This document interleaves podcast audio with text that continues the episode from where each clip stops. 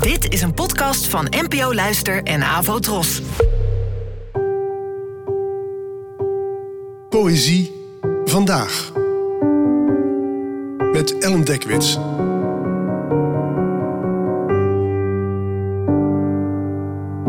Hallo, fijn dat je luistert.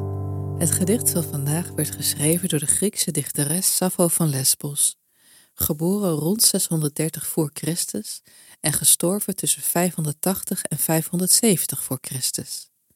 Het werd vrij vertaald door Mark Veldman en betreft een fragment, nummer 31. Fragment 31. Hij moet wel een God gelijk zijn, de man die vlak tegenover jou zit en van dichtbij je lieve stem kan horen. En hoe verleidelijk je lacht, het laat mijn hart overslaan in mijn borst.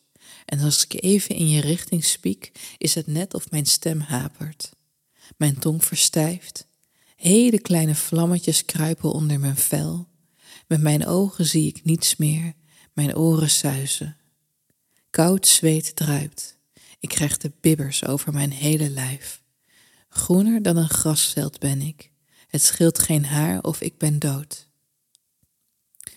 Van Sappho van Lesbos, een van de beroemdste dichteressen uit de oudheid, is slechts één compleet gedicht overgeleverd. Het bekende en online overal te vinden Ode aan Aphrodite, maar vandaag wil ik het hebben over een incompleet vers van haar hand.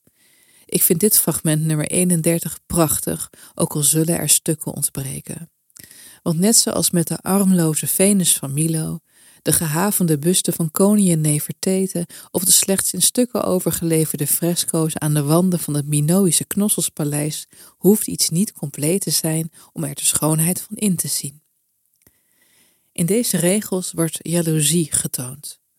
Hoe, wanneer je ziet dat iemand die je leuk vindt interesse heeft in een ander, je tong opeens verstijft en er onder je huid een kleine vlammenzee ontstaat, je oren gaan zuizen. En ook al is dit gedicht duizenden jaren oud, het is nog steeds erg herkenbaar. De tijd verglijdt, maar de mens verandert nou ook weer niet zoveel. Vooral niet als het gaat om liefde en iedereen die dat in de weg staat.